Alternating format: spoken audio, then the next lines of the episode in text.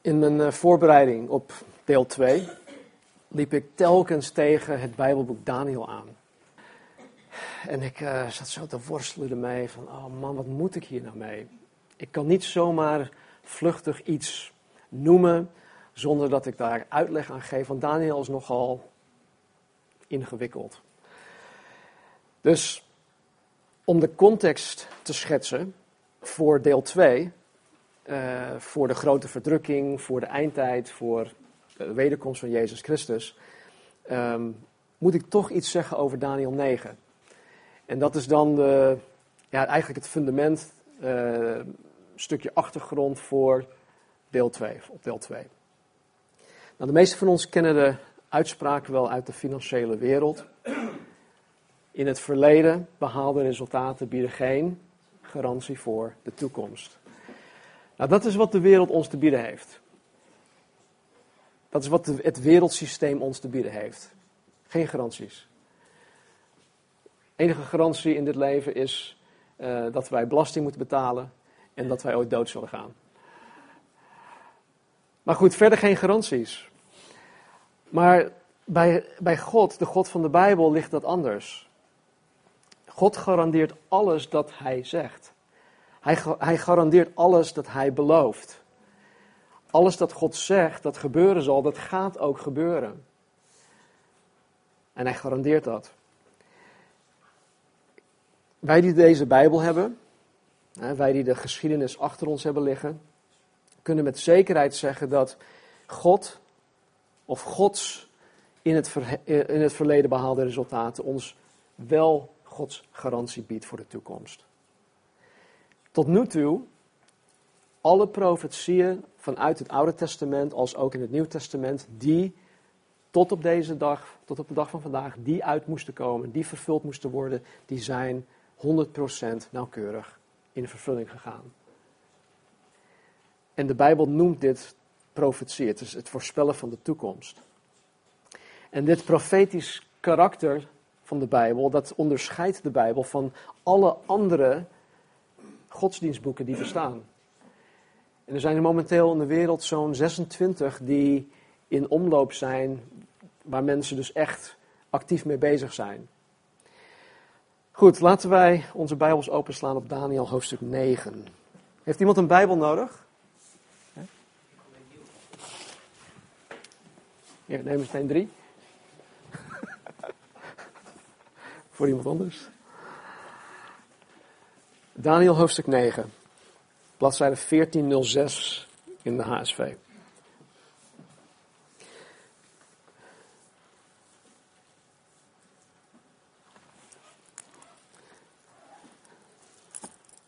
Ik hoop dat jullie bij de les kunnen blijven. Het is nogal uh, taai waar we doorheen moeten gaan. Vers 1. In het eerste jaar van Darius, de zoon van Ahasveros, uit het geslacht van de Meden, die koning gemaakt was over het koninkrijk van de Galdeën. In het eerste jaar van zijn regering merkte ik Daniel in de boeken het aantal jaren op waarover het woord van de Heer tot de profeet Jeremia gekomen was. 70 jaar zouden na de verwoesting van Jeruzalem voorbij moeten gaan. Tot zover. Hier heb je Daniel de profeet. Wat is hij aan het doen? Hij is de Bijbel aan het lezen. En ondanks dat hij zelf een profeet was, bestudeerde hij Gods woord, de Bijbel, en hij las uit, in, in het, uit het boek Jeremia. Daniel de profeet las Jeremia. En hij las uit Jeremia 25, waarin Jeremia voorspeld had dat Nebukadnezar, de Babyloniërs, of en de Babyloniërs, de Joden op een gegeven moment gevangen zou nemen. Dat was Jeremia's profetie en dat las hij. Nou goed, de reden waarom God toeliet dat Nebukadnezar en de Babyloniërs de Joden gevangen eh, namen, was omdat de Joden afgoden dienden. Wat zij niet hoorden te doen, afgoden dienen, dat deden zij. En zij negeerden Gods woord op allerlei gebieden en dat bleven ze continu doen. In Leviticus 25 staat dat de Joden het land dus hun land, het is heel agrarisch, hun land elk zevende jaar moest laten rusten. Dus ze mochten zes jaar lang verbouwen. Het zevende jaar moesten zij het land laten rusten. Dat zij dus niets mochten verbouwen. Om de Joden hierin tegemoet te komen, voorzag God in het zesde jaar zoveel dat zij dat zevende jaar gewoon doorheen kunnen komen. Het, het zesde jaar was, er zo, was de oogst zo groot dat zij zich geen zorgen hoefden te maken over het zevende jaar. Er was genoeg. Nou, voor een periode van 490 jaar hadden de Joden dit gebod van God genegeerd. Waardoor het land in totaal 70 jaren lang geen rust had gekregen. Het land heeft 70 jaar rust moeten missen. En daarom had God het toegelaten om de Joden door de Babyloniërs gevangen te laten nemen voor een periode van 70 jaar. En op deze manier kregen de Joden één hun straf en twee het land kreeg haar rust. Zo geniaal. Dat is onze God. Nou, Daniel. Daniel maakte deel uit van de groep Joden die gevangen uh, werden genomen. En nu, terwijl Daniel de profetie van Jeremia las, wist hij dat de 70 jaren van deze gevangenschap tot een eind waren gekomen. Hij had het gewoon geteld. Oké, we zitten nu aan het eind. En het eerste dat wij Daniel zien doen, nadat hij de Bijbel gelezen had, is, is bidden. Weet je, ik geloof dat, dat, dat veel christenen, ook hier, niet of te weinig bidden, omdat zij het woord van God niet lezen, omdat zij het woord van God niet bestuderen. Vaak weten christenen niet eens waarvoor zij moeten bidden. Dat is echt zo. Maar weet je, God is een geweldige gesprekspartner. God spreekt tot ons. En hij spreekt voornamelijk tot ons door zijn woord. En wij geven respons op God wanneer hij tot ons spreekt, door wat? Door te bidden. Dus als je niet weet waarvoor je moet bidden, dan kan dat liggen aan je gebrek aan het lezen van de Bijbel. Lijkt mij logisch. Als wij, Marnie en ik, met elkaar in gesprek zijn, dan begint het altijd doordat een van ons iets tegen de ander zegt. ik weet, het is heel simpel, mensen, maar het is soms zo simpel dat we het missen. En haar, haar respons, mijn respons, is dan dat wij daar antwoord op geven. En zo is dat ook met God. God spreekt tot ons wanneer wij de Bijbel openen. En onze respons daarop is dat wij bidden. Dat is wat Daniel deed.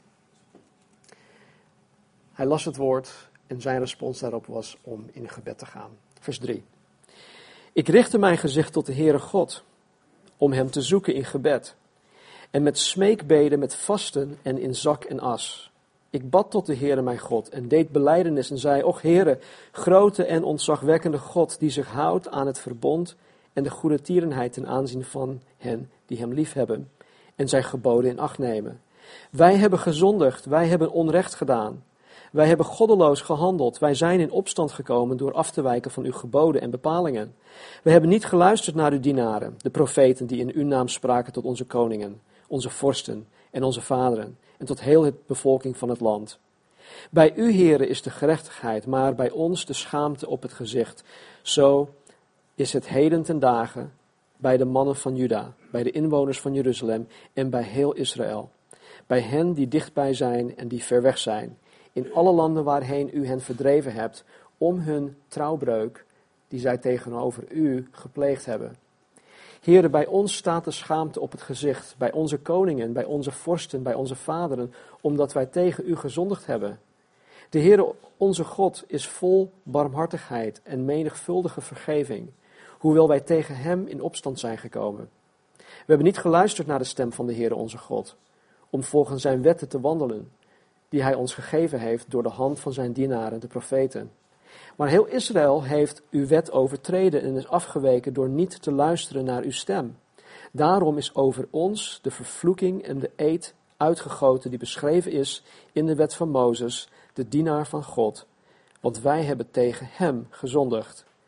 Hij heeft zijn woorden bevestigd die hij gesproken heeft tegen ons en tegen onze richters, die ons leiding gaven, door over ons een groot onheil te brengen, dat zich onder heel de hemel nergens heeft voorgedaan zoals zich dat in Jeruzalem voorgedaan heeft.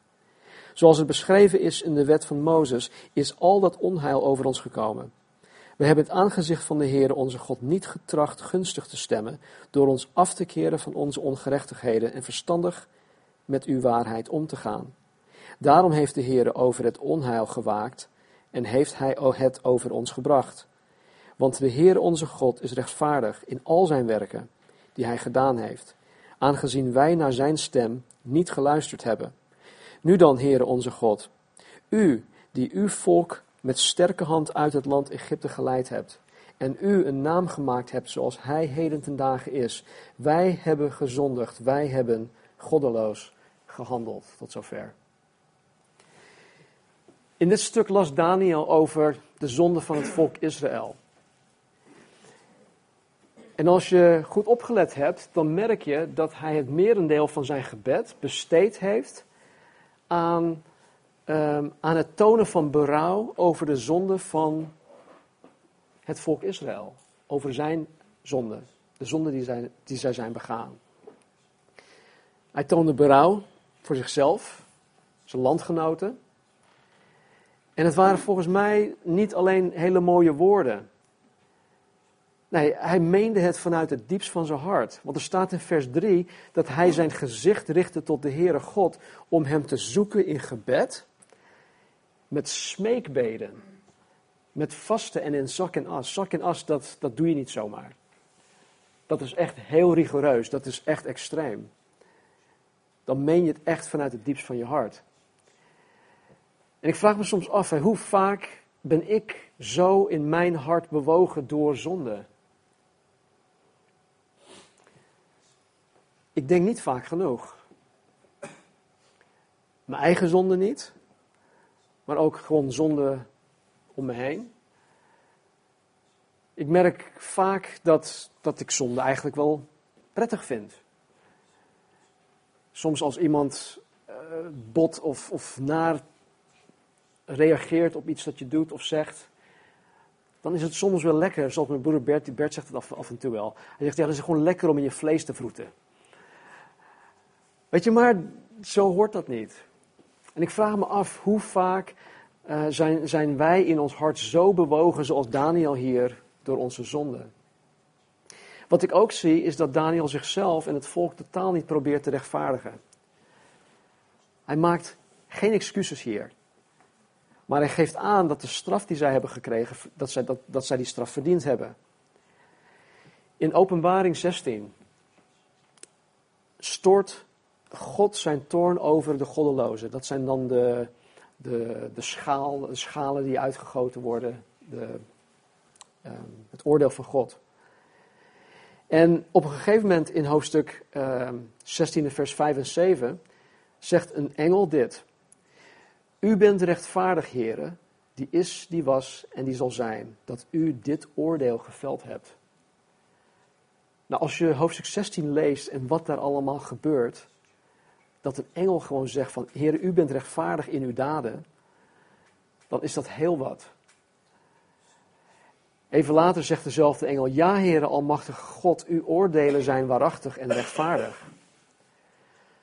Ik denk dat als wij, als ik, als wij volwassen willen worden in ons christen zijn, dan, dan moeten we gaan erkennen dat God alleen maar het goede, alleen maar het juiste en het rechtvaardige doet. Er zijn kerkgangers die, die, God, van alles, die God van alles de schuld geven. En waarom laat God dit toe? Waarom overkomt mij dit? En God krijgt daarvoor de schuld. Maar zo is God niet. Zo is God echt niet. Vers 16. Heren, laat, of laten toch uw toorn en uw grimmigheid zich afwenden van uw stad Jeruzalem, uw heilige berg, op grond van al uw gerechtigheden. Want om onze zonden en om de ongerechtigheden van onze vaderen zijn Jeruzalem en uw volk tot smaad geworden voor allen die ons omringen. Nu dan, onze God, luister naar het gebed van uw dienaar en naar zijn smeekbeden. Doe omwille van de Heere uw aangezicht lichten over uw heiligdom dat verwoest is. Neig uw oor, mijn God, en hoor. Open uw ogen om onze verwoestingen en de stad te zien waarover uw naam is uitgeroepen. Want wij werpen onze smeekbeden niet voor u neer op grond van onze gerechtigheden, maar op grond van uw grote barmhartigheid. Heren, luister, heren, vergeef, heren. Sla er acht op en doe het. Wacht niet langer omwille van uzelf, mijn God. Over uw stad en over uw volk is immers uw naam uitgeroepen. Nou, in dit stuk van het gebed doet Daniel beroep op Gods grote barmhartigheid. En dit is een hele grote en belangrijke sleutel ook voor ons. Wanneer wij tot God komen in gebed. Ik weet niet of jullie dit ook overkomt. Maar soms voel ik me gewoon niet waardig om naar God toe te komen in gebed. Soms voel ik me gewoon rot. En dan wil ik niet tot God in gebed komen. En dat is natuurlijk absurd, want God wil juist dat ik op zo'n moment tot gebed kom, in gebed kom. En maar hoe vaak voel je je dan niet waardig om in gebed tot God te komen, of zelfs naar de kerkdienst? Kijk, nu moet ik elke zondag. maar jullie, nee. Weet je, toen ik een, een, een, een, een, ja, een gewoon iemand was die niet preekte elke zondag, had ik ook wel die, die momenten. Hè, dat ik dan door de week gewoon een hele slechte week heb gehad. Dat ik uh, lelijk deed tegen, tegen mensen, tegen mijn vrouw, mijn kinderen, wat, wat dan ook. En dan zondagochtend word je wakker en dan heb je totaal geen zin.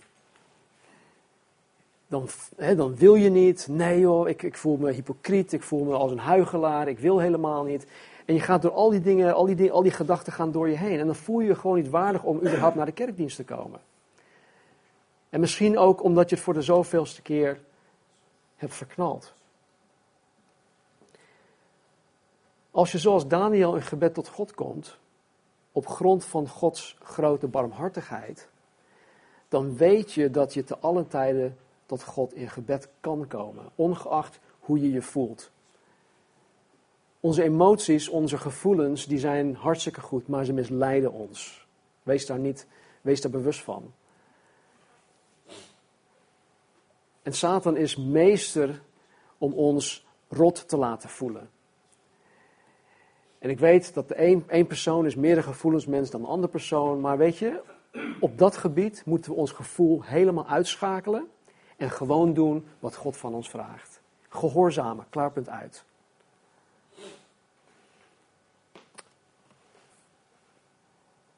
Vers 20. En nu gebeurt het. Terwijl ik nog sprak en bad, een beleidenis deed van mijn zonde en van de zonde van mijn volk Israël. En mijn smeekbeden uitstortte voor het aangezicht van de Heere mijn God, omwille van de heilige berg van mijn God.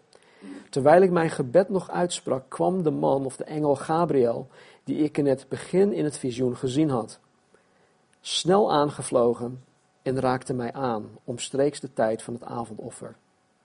Hij begon mij te onderwijzen en sprak met mij.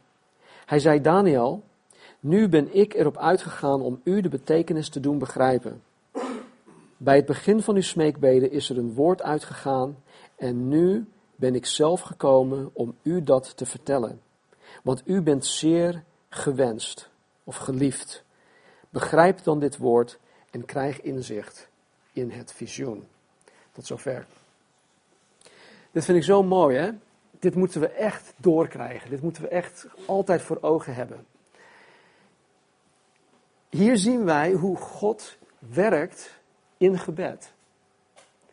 Het is niet alleen maar een, een, een, een eenrichtingsverkeer, monoloog van ons, ons gebedlijstje naar God toe. Nee. Naar aanleiding van het eh, bestuderen van Jeremia kwam Daniel tot God in gebed. En hij sprak tot God over deze 70-jarige uh, ballingschap. En tijdens zijn gebed stuurt God de engel Gabriel naar Daniel toe en bericht dat, dat, dat eh, dat, en dan bericht hij, dat, de engel, Gabriel, iets dat, over, dat iets dat veel groter is, veel belangrijker dan waar Daniel op, uh, op dat moment mee bezig is. Daniel is met die 70 jaren uh, ballingschap bezig. Hij is bezig met, oh, oké, het is nu ten einde gekomen. Hoe nu verder? Oh God, ik weet dat we gezondigd hebben. Vergeef ons alstublieft. Hij doet beroep op Gods barmhartigheid. Maar nu stuurt God de engel Gabriel naar Daniel toe met een bericht dat over iets veel groter gaat. Namelijk de, de gehele profetische toekomst van Israël. Dat is niet zomaar iets. Hij krijgt hier te horen wat God uiteindelijk van plan is met Israël. Tot het uiterste, tot het einde aan toe. En weet je, ik denk dat het vaak, zo is, vaak ook zo is wanneer wij bidden. Wij komen tot God in gebed over bepaalde zaken die ons bezighouden. En terwijl wij aan het bidden zijn, laat God ons dingen zien die van veel groter belang zijn. Als je er echt voor gaat zitten.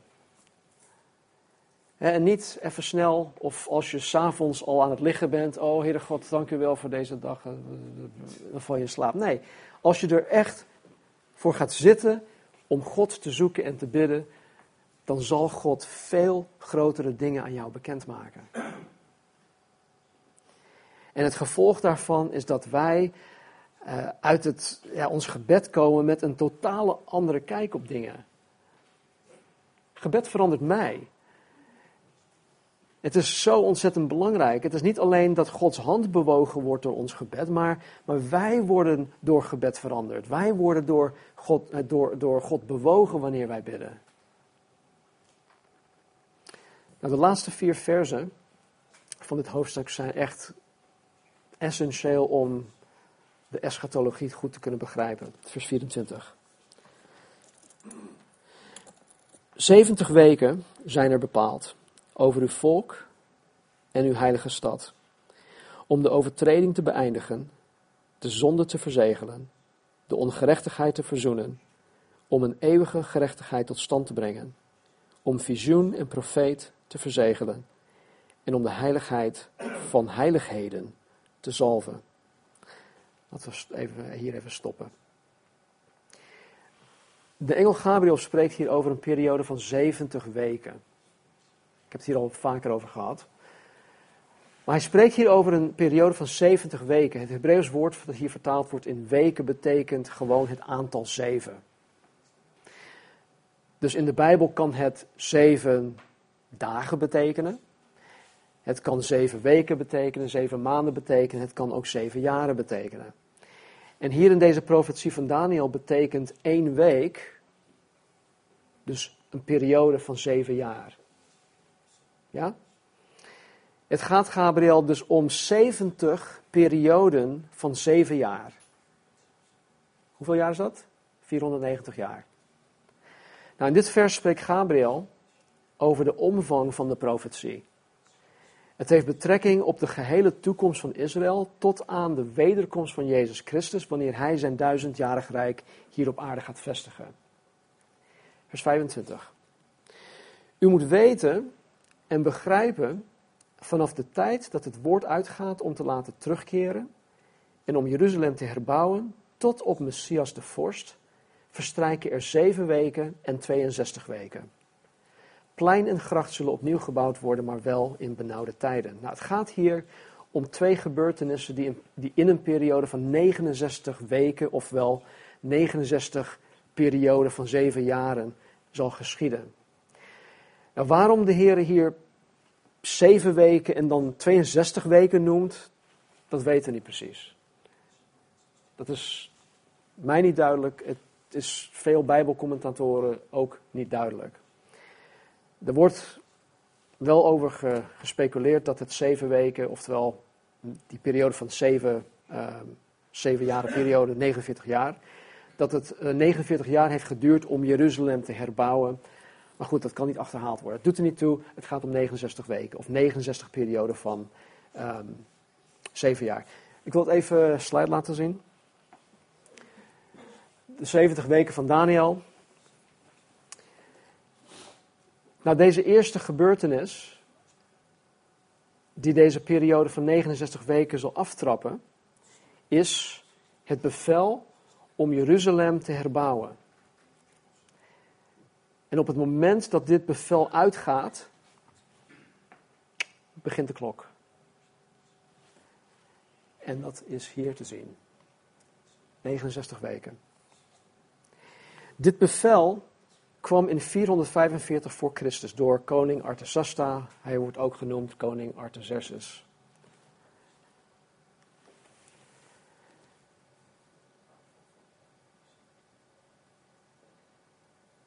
Dat staat trouwens in, uh, in het boek Ezra. Nou, belangrijk om te weten is dat in de Bijbel één jaar bestaat uit 360 dagen, niet 365 zoals wij dat nu kennen. En de Bijbel hanteert dus een kalenderjaar van, of een kalender dat bestaat uit 12 maanden van 30 dagen. Dus als wij de 69 weken in dagen uitdrukken, dan gaat het, eh, daar, daar zitten allerlei berekeningen aan vastgekoppeld, ook schrikkeljaren en dat soort dingen. Um, maar daar kom ik zo meteen op terug. Maar als we die 69 weken in dagen uitdrukken, dan gaat het om 173.880 dagen. Nou, er is een zekere Sir Robert Anderson die een boek heeft geschreven, dat heet The Coming Prince. Dat was ergens in 1894 of zo. Wij weten van Sir Robert Anderson dat het bevel om Jeruzalem te herbouwen op 14 maart 445 voor Christus uitging. Ja, dat is 14 maart. Maar wanneer heeft Jezus zichzelf als Messias de vorst, als de koning van Israël voorgedragen? Dat is de vraag. Wanneer was dat dan? Nou, we weten uit de evangeliën dat elke keer wanneer mensen Jezus tot koning wilden huldigen, hè, we hebben dat in Matthäus ook meegemaakt. Elke keer wilden, wilden de mensen Jezus naar voren schuiven van hé, hey, hier heb je de koning, hier heb je de Messias. En we weten dat wanneer dat gebeurde, dat Jezus dat elke keer tegenhield. En dan staat er in het evangelie van Johannes dat Jezus elke keer opnieuw tegen hen zei, ehm, mijn uur is nog niet gekomen. Oftewel, de tijd is nog niet aangebroken om gehuldigd te worden als koning. Maar op een gegeven moment doet Jezus iets heel bijzonders. Hij bepaalt zelf het moment wanneer hij als koning van Israël gehuldigd wordt en hij regelt alle middelen. Hij regelt echt alles, tot in de kleinste details toe.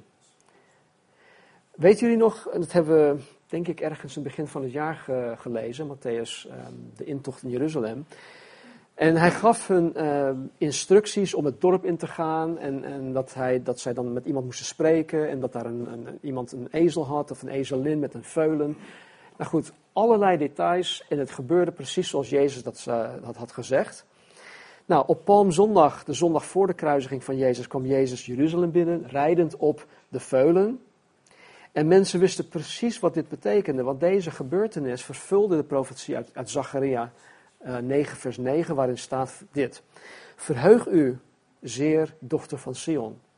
Juich, dochter van Jeruzalem. Zie, uw koning zal tot u komen, rechtvaardig, en hij is een heiland, arm en rijdend op een ezel, op een ezelsveulen het jong van een ezelin. Deze dag, dit moment, werd honderden jaren daarvoor al door God vastgelegd. En in Psalm 118 staat dit. 118, vers 24. Jullie kennen dit, jullie kennen dit uit je hoofd. Dit is de dag die de Heere gemaakt heeft. Laten wij op deze dag ons verheugen en verblijd zijn. Dit is de dag, dit is de dag dat de Heer. Oké, okay, yeah, you guys know this. So, de meeste van ons kennen dit. En wij passen dit eigenlijk op elke dag toe. Weet je, dit is de dag. En dat is ook zo. Maar deze psalm heeft specifiek te maken met deze dag. De dag dat Jezus um, Jeruzalem binnenkwam. In de evangelie lezen wij dat wanneer Jezus Jeruzalem binnenkwam, de mensen palmtakken en kleding op de grond neerlegden en ze, ze Hosanna riepen. In Lucas 19, 38 riepen de mensen, gezegend is de koning die daar komt in de naam van de Here. En zij citeren Psalm 118, vers 26. Goed. De komst van Messias de vorst, waarover de engel Gabriel tot Daniel sprak, vond dus plaats toen Jezus gehuldigd werd als koning van Israël bij zijn intocht in Jeruzalem. Nou, hier, op dit moment, is waar Gods nauwkeurigheid heel duidelijk naar voren komt.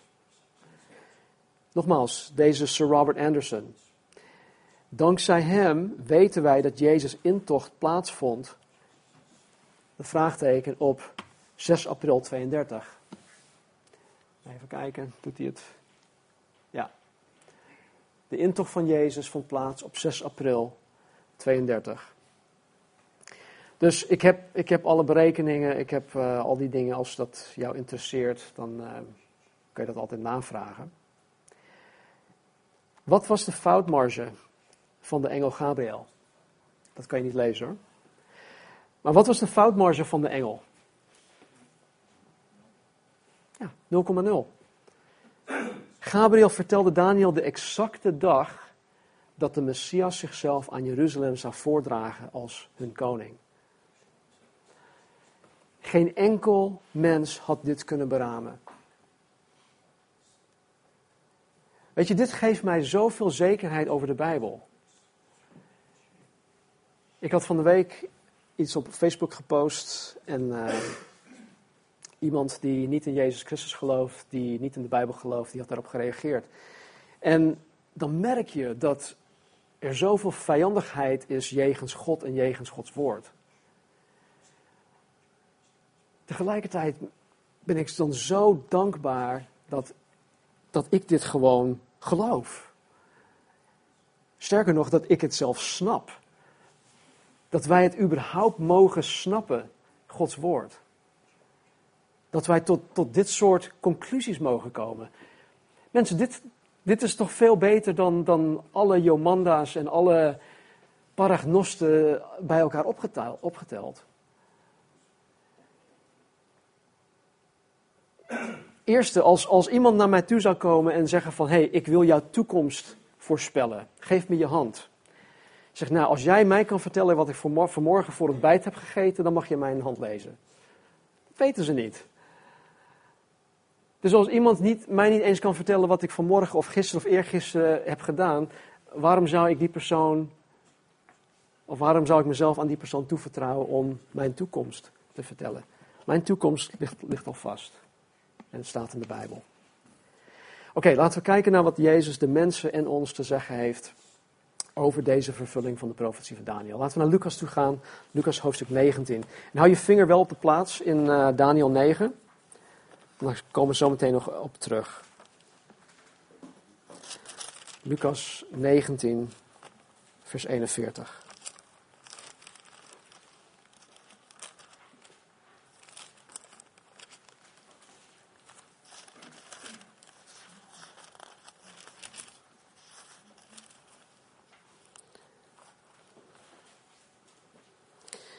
En toen hij, Jezus, dichtbij kwam en de stad zag, dit, is, dit gaat over zijn intocht in Jeruzalem. En toen Jezus dichtbij kwam en de stad zag, weende hij over haar. Hij zei, och, dat u ook nog op deze uw dag zou onderkennen wat tot uw vrede dient. Nu echter is het verborgen voor uw ogen. Jezus komt de stad binnen als de koning van Israël. En dit, deze gebeurtenis, dat hij de stad binnenkomt, vervult dus de profetie uit Daniel 9:25. Maar omdat de, de Joden, ja, laat ik hun even koppige, eigenwijze Joden noemen, omdat zij niet wilden onderkennen dat Jezus de vervulling is van de profetie uit het Oude Testament, zei Jezus tegen hen, dat alles omtrent Jezus verborgen zou zijn voor hun ogen. Zij wilden het niet geloven. Oké, je wil het niet, dan zal je het ook niet geloven. Alles wat Jezus Christus betrof, werd verborgen voor hun. Met andere woorden, wegens hun koppigheid zouden de Joden verblind worden voor de waarheid over wie Jezus Christus is, namelijk hun Messias. En dit zien wij vandaag de dag nog steeds. Israël herkent Jezus nog steeds niet als hun Messias. Maar dit zal niet altijd zo blijven. De Bijbel leert ons dat God nog niet klaar is met Israël. En dat zij op een door God bepaald moment tot hem terug zullen keren en Jezus als hun Messias zullen aanvaarden. Weet je, dit geldt niet alleen voor Israël. Dit geldt ook voor ons. Dit geldt ook voor mensen van vandaag. Mensen die zich vandaag de dag blijven verharden tegen het overtuigend werk van de Heilige Geest, bevinden zich op een heel gevaarlijk gebied. De Heilige Geest getuigt van Jezus. De Heilige Geest is degene die tegen de ongelovige mens zegt: Jezus, Hij is de waarheid. Je moet Hem navolgen, je moet naar Hem luisteren. Je moet niet naar alle andere dingen luisteren. Nee, Jezus. Het gaat om Jezus. En dat is het werk, of een onderdeel van het werk van de Heilige Geest. En als de Heilige Geest tot je spreekt en je blijft Hem negeren, dan zal je hart alleen maar verhard worden tegen Zijn stem. En als je dat blijft doen, als je daarin blijft volharden, als je daarin koppig en eigenwijs blijft, dan zal de waarheid over Jezus op een gegeven moment ook voor jouw ogen verborgen worden. In Johannes 12, 39 zegt Jezus over dit soort mensen dat hij of dat zij niet meer konden geloven. Het was onmogelijk voor hun om tot geloof te komen.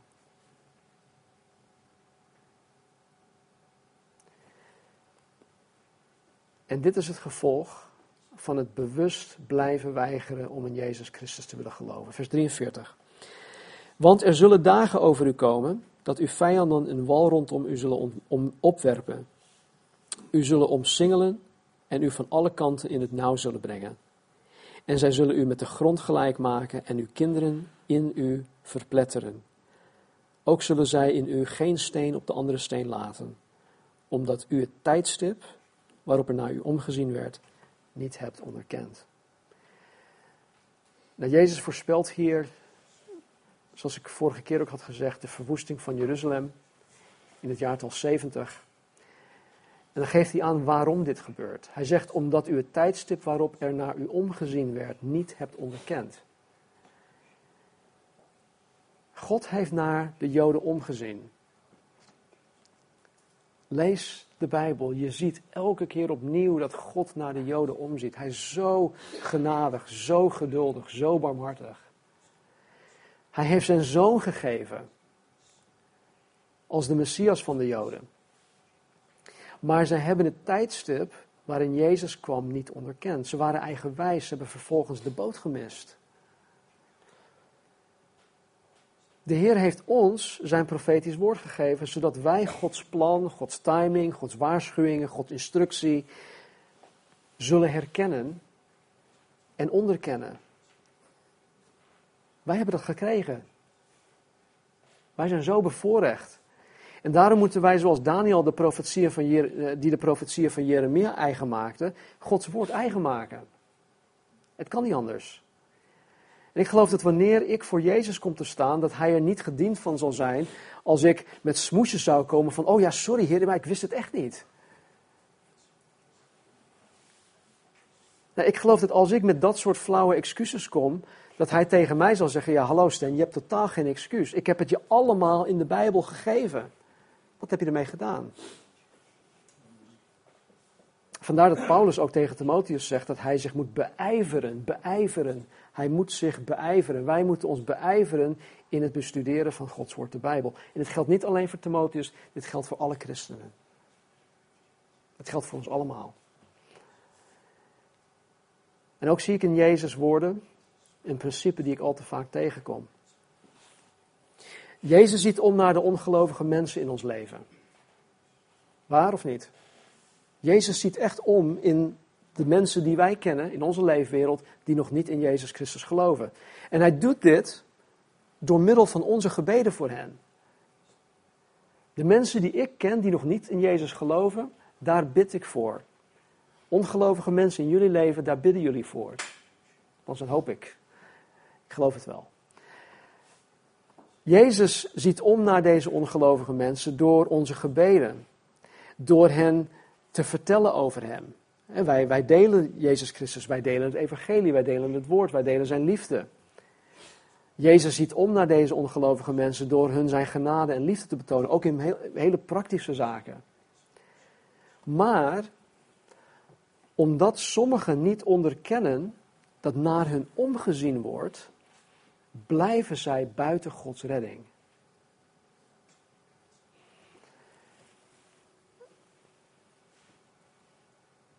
Ik ken iemand die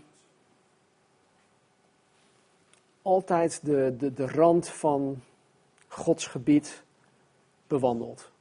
Hoe ver kan ik gaan om nog net mijn redding niet te verliezen? En die persoon die is zo begenadigd. Mensen om deze persoon heen, die doen zoveel om, om, uh, om die persoon um, Gods liefde en Gods genade te, te laten zien. Mensen om deze persoon heen, die, die doen zoveel om, om um, aan te tonen dat Jezus naar hen omziet. En recentelijk is weer zoiets gebeurd, echt iets, iets groots. En ik heb dit gesprek nog niet met die persoon gehad, maar de vraag die ik heb voor die persoon is: heb jij wel door dat God naar jou omziet? Of neem je dit gewoon voor lief, omdat dit geweldige mensen zijn die dit voor jou hebben gedaan? Zie je dat als, als dat, of zie je dat dat Jezus Christus naar jou omziet? Want als je dat niet onderkent, als je niet onderkent dat naar jou omgezien, wordt, dan geloof ik dat je, dan, dan blijf je gewoon buiten Gods redding. En zoals Jeruzalem verwoest werd wegens hun koppigheid, zal de toorn van God ook komen over allen die koppig en ongelovig willen blijven. En dit zien wij in de grote verdrukking. Vorige week zei ik dat op basis van de huidige wereldbevolking 1,8 miljard mensen in de eerste helft van de grote verdrukking gewoon vernietigd worden. Later in de grote verdrukking wordt nog, nog een derde deel van de wereldbevolking verwoest. Dat is gewoon de, helft van de wereldbevolking. De helft. Dat, dat, dat, dat is dan niet te bevatten.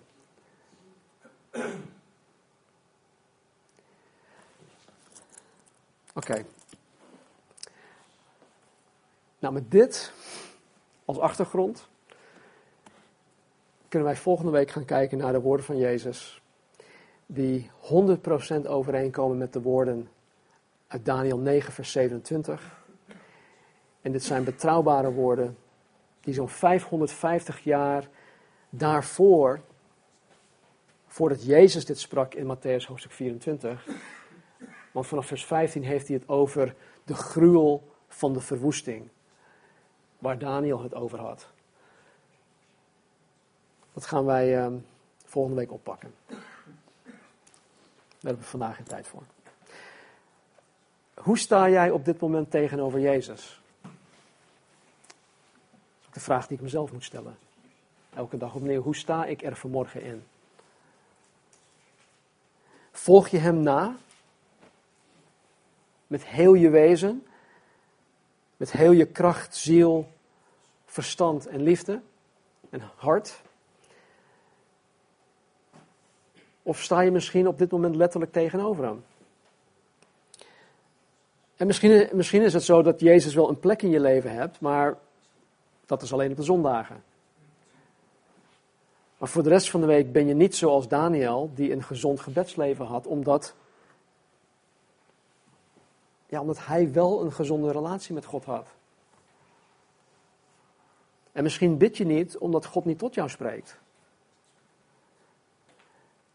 Weet je, voor mij is, is en dat heb ik al van Daniel moeten leren.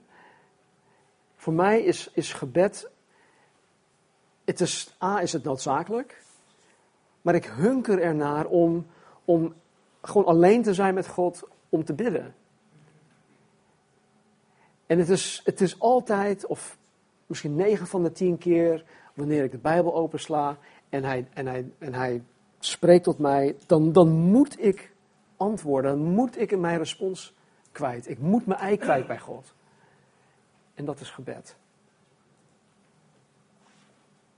En misschien bid je niet, of bid je weinig, omdat God niet tot je spreekt. En ik wil je vertellen dat dat niet aan God ligt. Want God spreekt namelijk, of voornamelijk door zijn woord de Bijbel. Maar als je daar dan ja, weinig of niks mee doet, dan, dan spreekt God niet. Weet je, vaak hoor ik mensen zeggen: Oh God, spreek alsjeblieft tot me. Het is zo stil allemaal. Ik hoor maar niks. Ik versta u ook niet. Ik, ik, het is gewoon stil.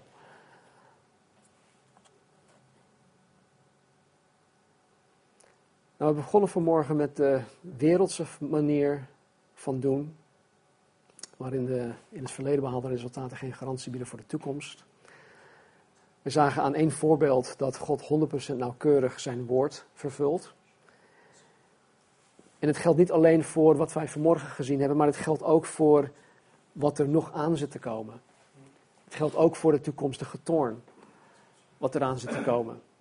Maar nog belangrijker voor ons geldt dit ook voor al Gods beloftes.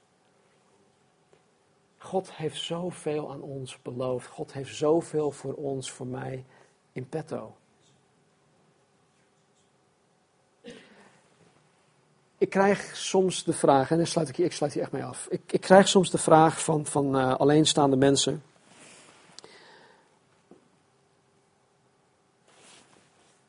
Ik wil zo graag een partner. Het zij een man of een vrouw. Afhankelijk van of je een man of een vrouw bent. Maar ik wil zo graag een, een, een levenspartner. En dan, ik niet, misschien uh,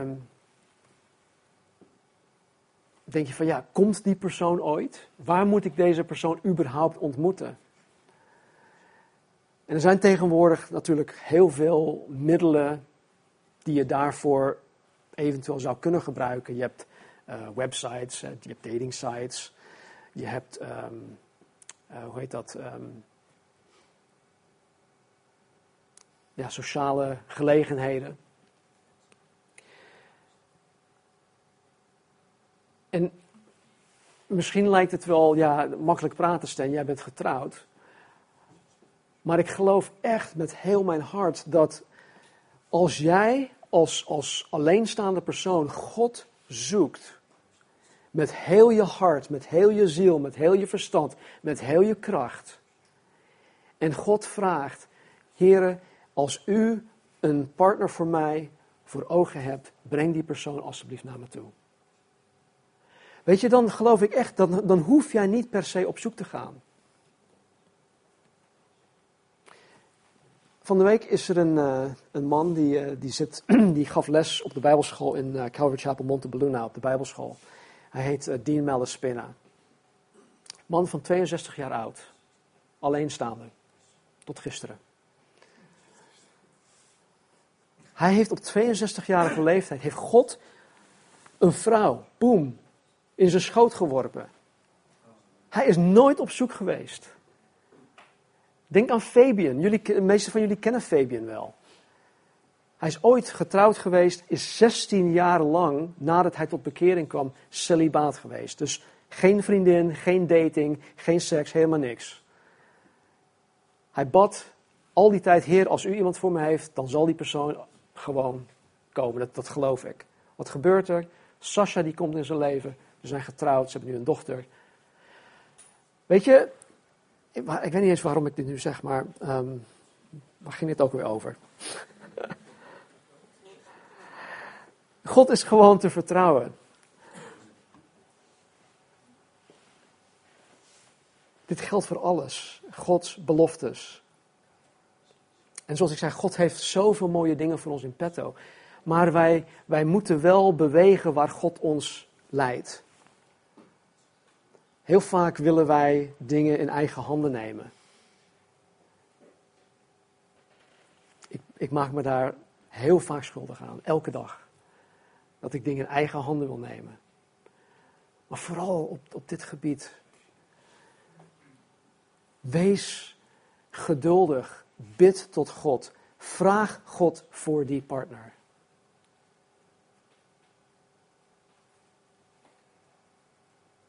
Als je dat niet doet, dan zijn er consequenties aan gekoppeld.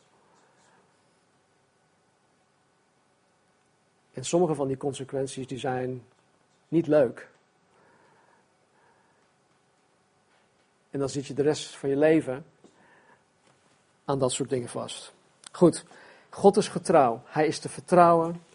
Hij heeft alleen maar het goede voor ons voor ogen. En dat zullen we volgende week ook zien. Sorry dat we deel 2 niet, uh, dat we daar niet aan toe kwamen.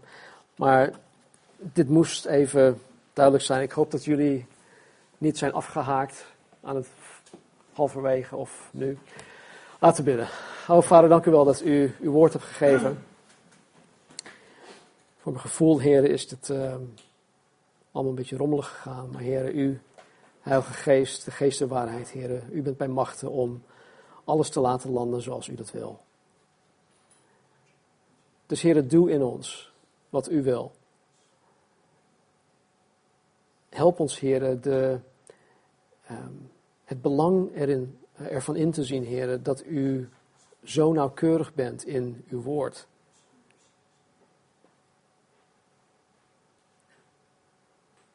Help ons in te zien dat wat u zegt, wat u belooft, dat u dat ook zal doen.